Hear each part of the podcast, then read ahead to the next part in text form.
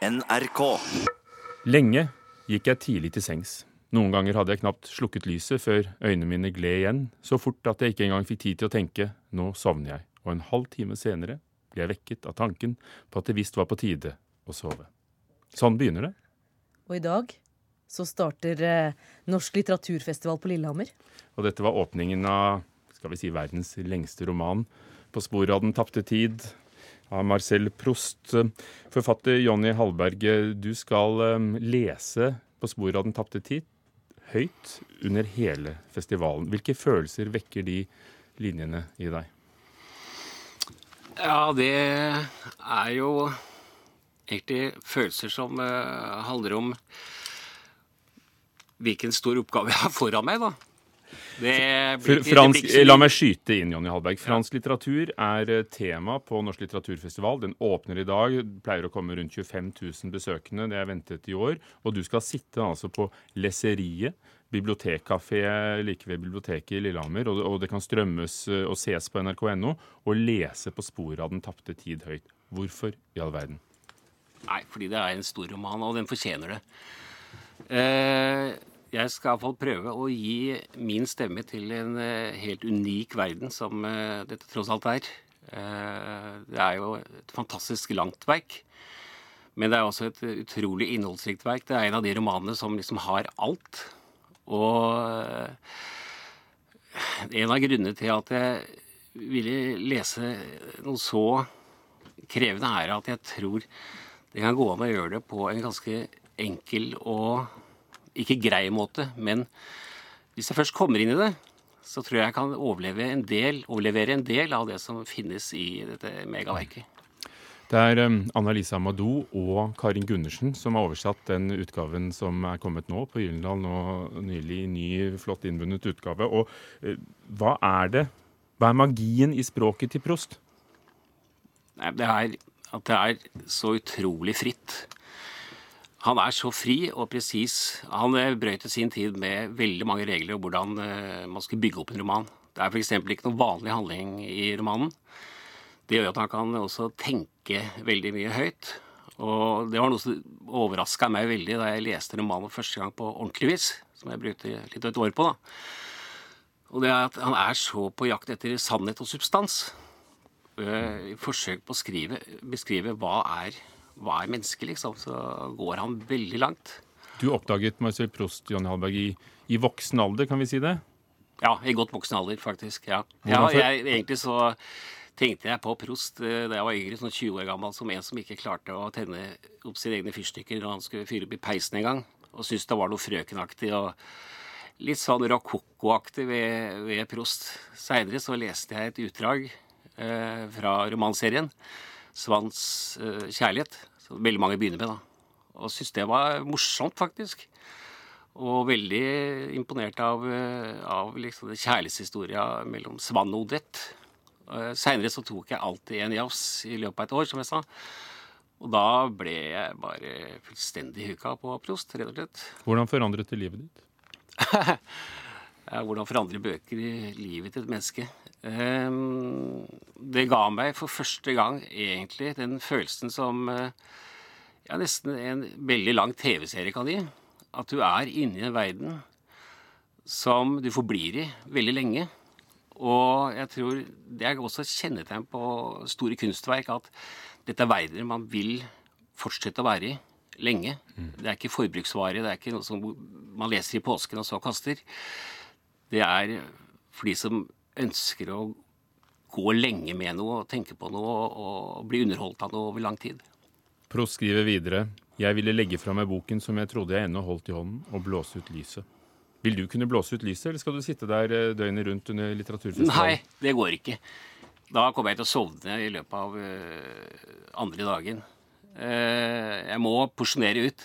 Når begynner du? Jeg begynner i dag klokka 20 over 6, men sendinga på NRK2 begynner jo med et intervju og sånn klokka fem, da. Takk skal du ha. Ja, Jonny Hallberg, forfatter, som leser Marcel Prost på NRK og på Leseriet under litteraturfestivalen på Lillehammer, eh, som åpner i dag.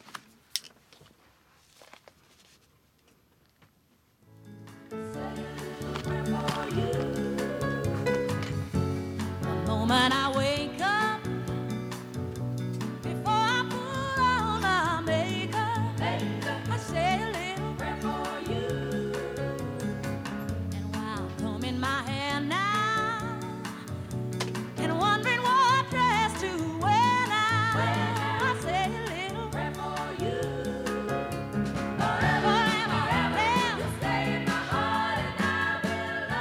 Aretha Franklin med I Say A Little Prayer. Det er ikke tilfeldig, for uh, i fjor sommer eh, døde soul-dronningen, og um, den gangen så uh, sa familien og advokater at det ikke var noe testament etter henne. Men nå har man funnet tre håndskrevne testamenter i hjemmet hennes. Hva kan du si om det, kulturreporter Maiken Svendsen? Det stemmer, og to av testamentene er da datert fra 2010. De blei henta ut av et eh, låst skap i leiligheten hennes etter at de fant nøkkelen.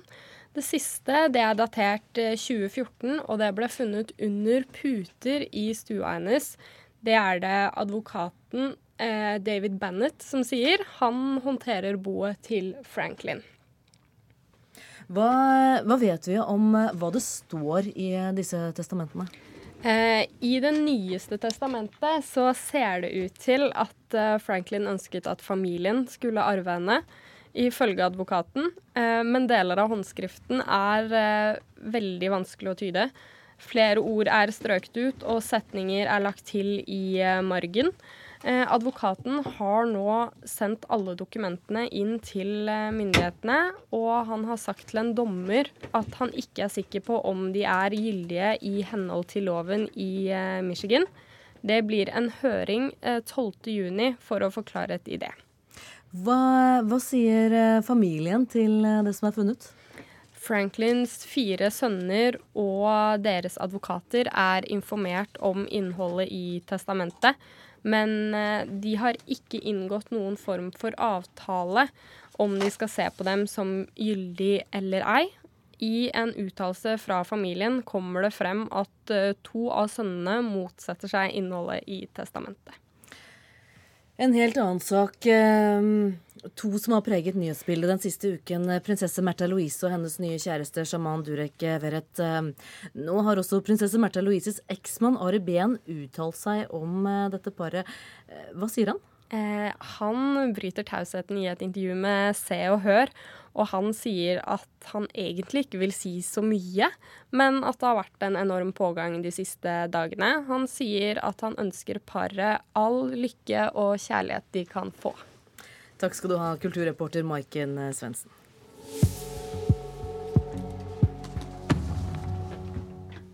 I uminnelige tider har vi mennesker dyrket og sanket planter, og så har vi tatt bilde av dem, lagd bilder av dem og laget dem til kunst.